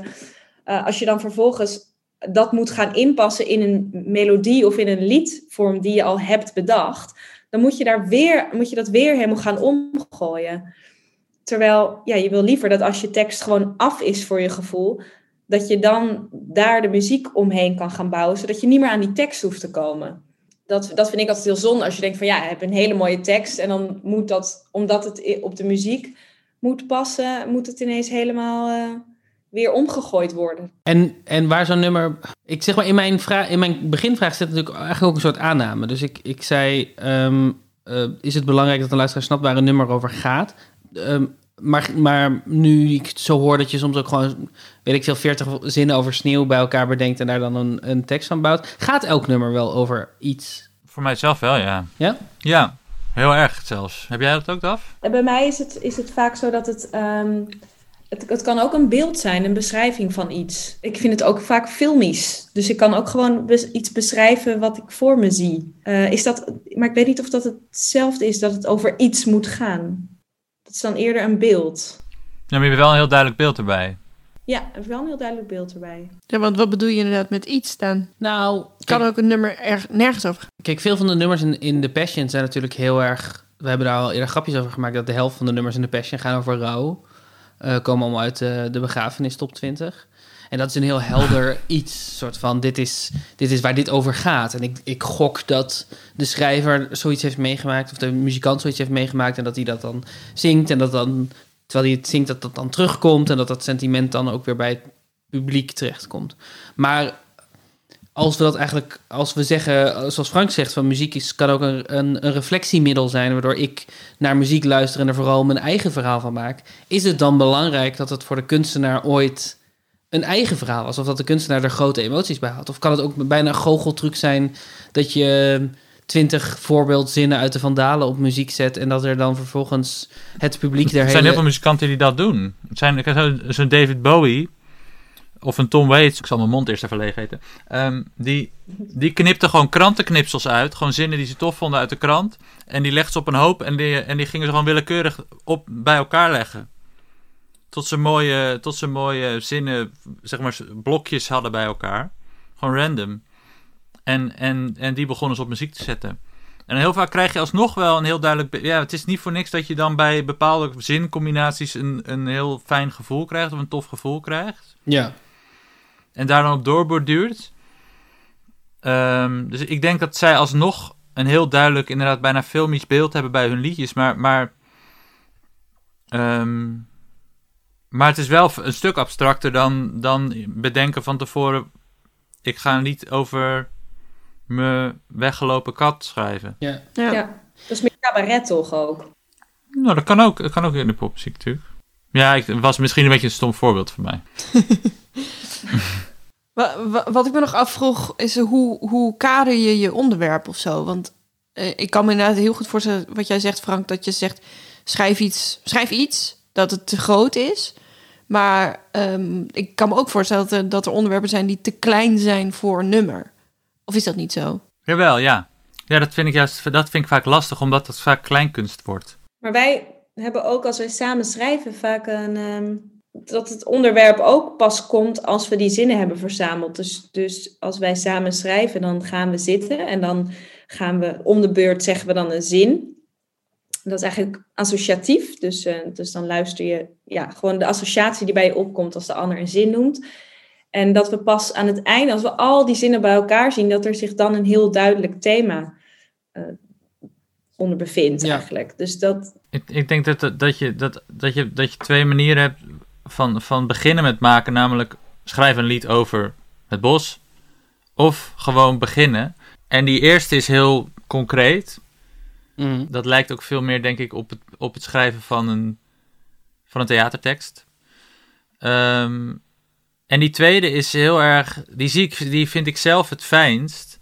Dat vind ik het fijnst aan, aan, aan individueel muzikant zijn, zeg maar. Of aan, aan artiest. Is dat je, je mag gewoon beginnen. En dat werkt heel erg eh, therapeutisch. Dus ik verwerk bijna alles wat ik, wat ik meemaak, verwerk ik door muziek te schrijven. En dan begin ik heel vaak gewoon. En dan denk ik pas na een uur, kom ik er pas achter met wat voor dingen ik eigenlijk eh, het meest rondloop. Gewoon wa- wat het meest omhoog komt de hele tijd. En daarover begin ik dan te schrijven. Dus het is ook een soort, soort proces waarin je jezelf steeds weer opnieuw Ja. uitdaagt en, en, eh, om, om dat op te zoeken en, en ook leert kennen. Het is bijna meer dan communicatie met je luisteraar of met je publiek of met je potentiële of hypothetisch publiek. Is het communicatie met jezelf? Ja, en eh, in de hoop, dus als je dat dan goed vertaalt, denk ik, ben ik van overtuigd, als je daar een goede vertaalslag van maakt, dan kom je bij precies datzelfde proces terecht bij de luisteraar. Als, je als de luisteraar daarvoor open staat en als, die, als, die, als, je dezel- als je hetzelfde type proces hebt. Dus ik kan, zoals ik naar, eh, dus inderdaad een Tom Waits, maar ook, ook naar een, eh, een Radiohead of zo kan luisteren en gewoon kan herkennen waarin hij, ja, we- welk, welk deel van zijn emotionele spectrum hij overschrijft. En daar dan zelf in kan duiken, terwijl we twee totaal andere mensen zijn. Dus het is, ja, ik, ik, ik zat eh, te, te eh, spelen met een metafoor, maar ik kwam er niet helemaal uit. Maar bijna een, een muzikant als iemand die spiegels maakt. Waar die dan de spiegel blijft maken totdat hij zichzelf er heel helder in ziet. En dan vervolgens de spiegel aan iemand anders geeft die dan zichzelf daar heel erg in ziet. Ja, dat is prachtig. Dat is wel de poging, ja. Dat is wel de poging die, die, die ik het fijnst vind om te doen. Hm. En waarvan ik ook merk dat die het best... Zeg maar, als je zelf het gevoel hebt... Je weet zelf altijd wel wanneer het gelukt is. Ja. Bij de liedjes waarvan je zelf echt het meest voelt van... Ja, dit is gewoon... Dit is een, een, een, dit is een foto van mijn, eh, van mijn emotionele staat van zijn... Of me- van het gevoel wat ik nu heb. Dus, weet je wel? Het voelt ook als een schilderij dan vaak. Dan, dan, dat zijn altijd de liedjes waarvan mensen zeggen... Zo, dat is wel heel erg... eh, dat raakt me heel erg. Dat, eh, dat herken ik meteen of dat voel ik meteen. En blijft dat gevoel als je het live speelt daarna? Ja. Ja, maar, maar niet als hetzelfde gevoel natuurlijk. Maar dat werkt gewoon met, met alles wat... wat... Het grappige is dat, dat zelfs de liedjes die over relaties gaan en, en bepaalde mensen kwijtraken... Liedjes die ik, eh, die ik, die ik heb geschreven over, eh, over mijn vorige relatie... die kunnen nu op, met dezelfde emotie gaan over juist de angst om, om Daphne te verliezen, weet je wel? Omdat het, juist omdat het die universele snaar eh, raakt, gaat het gewoon over iemand kwijtraken en, en, en hoeveel iemand waard kan zijn voor je of zo. Ja, dat heb ik ook wel. En, ik- maar ik heb wel dat als je eenmaal een nummer hebt gehad waarvan je inderdaad in het begin voelt van, eh, oh ja, dit, dit, ik voel dat dit goed is en, en dat dit echt ergens over gaat, ehm, dan gaat dat ook nooit meer weg. Mm. Dus het wordt nooit, ook al verandert de, de inhoud of waar het over gaat, de intensiteit van zo'n nummer verandert niet. Eh, en een nummer waarvan je eigenlijk in het begin denkt van ja, ik ga dit wel spelen, want ik heb dit geschreven en ik, ik heb niks anders. Eh, dat, zal ook nooit, en dat zal ook nooit die intensiteit of die lading krijgen. Ook niet als er wel ineens een situatie komt eh, waarin het, ineens, het nummer ineens super toepasselijk is. Hoe zouden jullie reageren als de Passion jullie benadert en zegt we willen dit en dit nummer voor- gebruiken? Van Kafka? Nou ja, ik zou wel vanuit commercieel oogpunt. Ja, je, weet, wij- je weet hoeveel je ervoor krijgt. Ja, nou en ook voor de bekendheid. Ik zou wel een hele. Ik zou, ik zou gewoon super commercieel terug. Ik zou, ik zou wel heel commercieel terug eh, gaan, dat, dat gesprek ingaan. En, en wel kijken eh, in hoeverre je invloed kan uitoefenen op de bewerking. Mhm. Maar in onze, onze positie, waarin, wij, waarin het voor ons zou betekenen of, het bete ja, of, het, of we daardoor misschien een volgend album kunnen maken.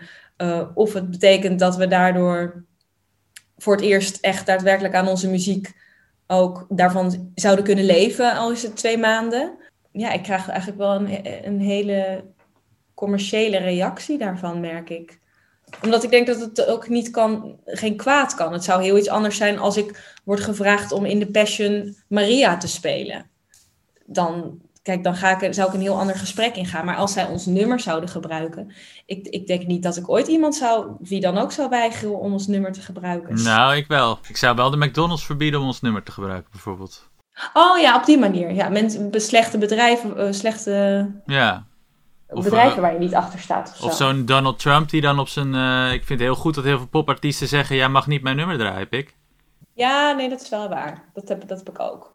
Maar gewoon iemand die het wil coveren, die daadwerkelijk wil gaan zingen. Nee dat, nee, dat snap ik, ja. Nee dat, waar- nee, dat mag ook zelfs niet, volgens mij. Volgens mij mag je dat niet zomaar verbieden. Ik denk dat je er altijd geld voor moet krijgen. Maar volgens mij mag je niet zomaar verbieden dat iemand je nummer... Nou, misschien... Ik weet het eigenlijk niet. Grappig dat ik maar niet volgens weet. mij werkt dat op een gekke manier. Maar ik weet hier ook niet het fijne van. Maar op, eh, werkt dat op het, ongeveer hetzelfde manier bij Donald Trump en zijn eh campagne-rallies zo. Omdat de, de hallen waar hij in optreedt vaak een algemene blanket Puma Stemra regeling hebben. Waardoor ze alles mogen draaien als ze er maar geld voor afdragen. Dus heb je als muzikant dan dus ook niet het recht Ja. om te zeggen je mag dit niet gebruiken. Net zozeer als je niet tegen Radio 3 kan zeggen jullie mogen mijn nummer niet spelen. Ja, wat, ik, wat, ik daar, wat ik vooral zo gek vind, is dat je rechten kunt kopen. Dus dat ik geloof dat Michael Jackson had, had bijvoorbeeld heel veel Beatle-rechten. En die had daarmee dus dat soort dingen een beetje zo voor het zeggen. Van de Beatles. Wat raar. Ja, dat kun je kopen, het zijn gewoon rechten. Ik moet ook wel zeggen dat ik... in- Het is inmiddels wel norm- normaal voor mij als eh scenario schrijver... om mijn rechten af te staan als ik scenario schrijf voor iets of iemand. Dus, dus op vrijwel Oh, alles ja. wat ik heb gemaakt in het verleden... heb ik niet meer de eigen rechten op. Als, als iemand mij belt en Dat is zegt... raar, we, toch? we willen Dat daar is een raar. bewerking Ja. van maken. Ja, ja, dat is raar. Dat is raar. Dat is gewoon een... Dat is een... eh, Het zou heel logisch zijn als jij er ook recht op zou hebben. Zeg maar. Dat er iemand recht op heeft en Ja. jij ook. Ja, nee, ik denk dat als ik veel succesvoller zou zijn geweest, dat ik dan misschien zelfs zou kunnen onderhandelen dat ik een deel van de rechten hou. Maar de NPO zegt nu gewoon: nee, als wij het gaan maken, dan willen wij de rechten. Want we willen niet dat, dat, je, dat jij over twintig jaar opeens veel meer geld vraagt voor ons om het te kunnen laten zien. Ja, en, en soms maak je die dingen worden dan uiteindelijk ook niet gemaakt, maar dan hebben ze nog steeds wel de rechten, waardoor je dus niet met je script naar iets anders kan toestappen, die een omroep die het misschien wel gaat maken. Dat is, dat is de frustrerende kant daaraan. Oh ja, oh mijn god. Echt erg hoor. Ja, er, ik snap op bepaalde... Ja, het zijn kanten ervan die ik wel snap of kan volgen. Maar het is toch gewoon erg dat iets wat van jou is, dat je daar helemaal geen rechten meer over hebt. Ja. Ja, heel raar. Heel vreemd voelt dat, ja. Ja, heel vreemd. Ik had nog een vraag in het verlengde hier, hiervan. Je hebt natuurlijk de Passion zitten kijken. Ehm, als jullie gevraagd wordt, zou worden, eh, even los van tijd en geld en zo, om een nummer te schrijven voor de Passion, welk moment zou je dan uitkiezen? Of welk personage? Dat je denkt, oh, dat zou ik een interessante, interessante ingang vinden voor een nummer. Mooie vraag. Ik zou vanuit het koor iets schrijven, denk ik. Vanuit het koor. Het volk, ja. Het koor, het volk. Waarom? Oh, nou, omdat die bijna zo weinig stemmen hebben nog. En, eh, en, en ik denk dat het interessant is om te onderzoeken waarom die zo geïnteresseerd zijn in Jezus, Jezus en waarom die zo ontevreden zijn in Pontius Pilatus. Ja, dat, ja ik, ik, ik denk dat je een heel goede gat in het verhaal hebt gespot. Namelijk dat we eigenlijk niet zo goed weten hoe Jezus nou in die maatschappij stond. Of waarom mensen naar hem opkeken. Ja. Of waarom hij veroordeeld moest worden. Of wat daar allemaal speelde. Ik denk dat dat inderdaad een goed lied zou kunnen zijn. Ja, want hij staat ook op een bepaalde manier buiten die maatschappij, volgens mij. Terwijl dat zijn de mensen die hij aan zich bindt en eh, ophitst eigenlijk. Het is sowieso ook leuk om een lied te schrijven voor een menigte van 20.000 mensen in Enschede. Ja, geweldig. ja, met een, met een koor en eh meerstemmig koor. Ik hou, ik hou ook altijd in, in de Matthäus Passion hou ik heel, altijd heel erg van de koralen. Het lijkt, het lijkt mij leuk om een. eh, ik heb er altijd een beetje over gefantaseerd dat Jezus dan. eh, zo met dat kruis, zeg maar. Dat hij, dat, hij op een gegeven moment weet: oké, ik, ga, ik, ga dan, eh, ik ga sterven. Maar dat hij dan toch ook bang wordt. Dus dat hij, en dat hij dan toch ook gaat, gaat, zich gaat afvragen of er dan echt wel leven na de dood is. Of dat dan echt allemaal wel klopt. Ja, was gewoon voor puur het stel dat het niet zo is of zo. Nou, ik zou wel echt relaxed zijn of zo. En het is wel, weet je wel, daar zou ik heel graag een lied over schrijven. Iets dat hem zo'n beetje zo. Zo de vragen die, dat hij de vragen die wij hebben ook stiekem dan op dat moment, gewoon normaal niet hè, maar gewoon op dat moment toch wel een penibel moment of zo, dat hij dan ineens... Ja. Een uitwegfantasie. Nou, precies het, het lied dat de EO nooit zou toelaten. Nee, ja, precies. Ja, ja, Ja, ja. ja. Typisch van. Ja, maar, nou, ja, maar als je het dan nog voor elkaar krijgt om het zo te verwoorden dat zij het niet doorhebben misschien. dat, het, dat het lijkt alsof, het, alsof, wij ons dan, of wij onze gedachten dan projecteren op Jezus. Maar dat is het natuurlijk, hè. Jezus is ook gewoon een projectieding, net als, de, net als een liedtekst. Ja. Misschien kunnen ze ook, zouden ook gewoon het nummer Niemand weet waarom kunnen doen op dat moment. Niemand weet waarom. Dat is eh, geweest, toch? Die hebben ze gedaan, ja. Is ja. het al een keer zeker. geweest Ja. in de Ja. Passion? Ja. Ja. Oh, ik vind dat wel voor zo'n moment om, zeg maar, verstopt. Ja, hou me vast is dat toch, van Vol- Volumia. Ja. Die eh zingt Maria. Ja, dat is Maria. Oh, was dat met dat ze, Ja. dat ze zich versprak? Ja. Ja. Ja, het blijft toch, eh, als je die passion zo, als je het ook over dat, die liedtekst hebt en die dat projectie daarvan, het blijft toch het lastigste aan, aan die switch van, van de Griekse mythologie en de Romeinse mythologie, waar alles gewoon zo van die echt verhalen, waarvan het heel duidelijk is van het gaat over een soort fictieve of niet fictieve, want ze zijn er wel echt, want daar geloofden ze toen in, maar gewoon niet mensen de keuze om daarna een verhaal te maken dat echt over iemand gaat die hier rondloopt, die van vlees en bloed, weet je wel. Die geeft echt veel minder vrijheid. Zou je terug willen naar verhalen die niet, die niet gaan over mensen? Ik vind wel, ja, ik vind het wel jammer dat. Wat, ik zo mooi vind aan die Griekse mythologie is dat het, dat het eigenlijk dezelfde thema's. ze snijden allemaal dezelfde thema's aan, alleen vrijer. Dus die, die goden zijn wel mensfiguren, maar ze mogen ook alles of ze hebben. Maar er zitten wel allerlei normen en waarden in, want die houden zich totaal niet aan normen en waarden. Maar, maar die normen en waarden zitten, worden wel in vragen gesteld. En dus er zit veel meer een soort menselijkheid in. Het feit dat ik denk dat het grootste nadeel voor Jezus is, dat, die, dat heel veel menselijkheid hem is ontnomen. Ja, terwijl dat natuurlijk ook... Dat heeft ook echt wel te maken met Jezus specifiek als protagonist. Als in Jezus is echt een... Jezus was te goed voor deze wereld. En dat Ja. maakt hem gewoon tot een ondramatisch figuur. Ja, nou, hij moet ook echt een leider zijn. Hij moet echt, je moet tegen hem op kunnen kijken. Zo van, oh, hij weet het allemaal beter. Dat, Ja. dat krijg ik heel erg, dat gevoel. En dan moet hij dus inderdaad niet menselijk en Hij twijfelend. twijfelt niet. Nee. Nee, hij- nee. Ja, ik heb ook, ik heb ook het gevoel dat, de, dat, de, dat, de, mens, dat de mensen die Mohammed hebben geschreven daarvan hebben geleerd. Die hebben echt een menselijke figuur geschetst. Dat, is- ja, dat denk ik echt. Ja, ik weet, niet of, ik weet niet wat ik vind van de formulering... de mensen die Mohammed hebben geschreven, maar ik snap wat je bedoelt. Misschien Mohammed zelf dan. Het, Heeft geleerd van het Jezus. writersteam achter Mohammed. Nee, Mohammed heeft het zelf misschien gewoon... ja, hij heeft het zelf niet opgeschreven, toch? Maar Mohammed heeft wel van Jezus geleerd, zou je kunnen zeggen. Zou je kunnen zeggen, ja. Ja. Is een probleem van de Passion ook dat het popmuziek is? Dat popmuziek het gewoon niet, niet echt goed, over, goed matcht met, eh, het, met, narratief, met iets narratiefs? Dus een musical met popmuziek? Ja, goed. Het doel van de Passion is zoveel mogelijk, eh, zoveel mogelijk zieltjes er warm voor krijgen. En dat lukt gewoon het beste met... Ja, pop staat voor populair. Ja. Dat, dat lukt gewoon het beste met populaire muziek. Ja, ik, ik zou het heel interessant vinden als we er allerlei muziekstijlen bij zouden houden. Of op zijn minst de, eh, de, de arrangementen van die populaire nummers eh, aanpassen naar iets wat niet. Ja, dat, dit, is, dit is ook een. Pop, popmuziek is zo ontzettend. David Bowie is ook popmuziek. Queen is ook popmuziek. Ja. Ehm, ja, de- het is gewoon. Ik vind de, de, de arrangementen gewoon. Daar kan wel, zou ook wel heel veel aan verbeterd kunnen worden, vind ik. Ik denk dat popmuziek juist wel een aardige is, hoor. Mm. Juist omdat popmuziek bij uitstek het genre is waar je textueel eh, veel keuze hebt. Ik denk dat ik het vroeg omdat, omdat we de hele tijd hadden over dat popmuziek misschien soms als het te specifiek wordt kleinkunst wordt. Zoals je, dat, schet- dat komt, komt een paar keer langs in het gesprek. ja. Dat ik Oh me kan voorstellen dat eigenlijk kleinkunst... Ik snap dat een musical met musical liedjes maken niet een heel radicaal concept is. Maar dat dat misschien eigenlijk wel beter zou werken dan een musical met popmuziekliedjes. Nou, nee, maar ik, ik denk dat juist dat misschien de, de, de, dat door mijn omschrijving het wel, ik het wel te vaag heb gemaakt. Ik denk dat het juist in zijn niet-specifiekheid juist heel alomvattend en daarin juist heel duidelijk kan zijn, ook popmuziek. Er zijn heel veel liedjes die heel duidelijk eh, een, een, een gezamenlijke en collectieve emotie eh, geven, eh, hebben, weet je wel. Dus, dus dat voel je ook bij popconcerten, denk ik, heel erg. Ja.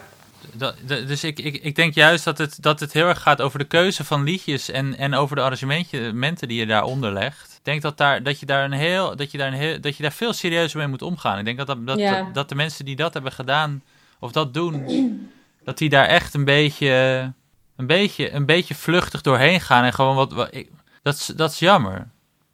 Ook omdat er echt liedjes van Ramses zijn die, die je zoveel beter zich hiervoor lenen dan het lied Laat Me. Weet je, ja, dat is gewoon niet, eh, het, dat is niet een lied voor de passion, denk ik. Nee. Dan eh, danken wij jullie hartelijk voor het kijken en het praten en jullie slimme woorden.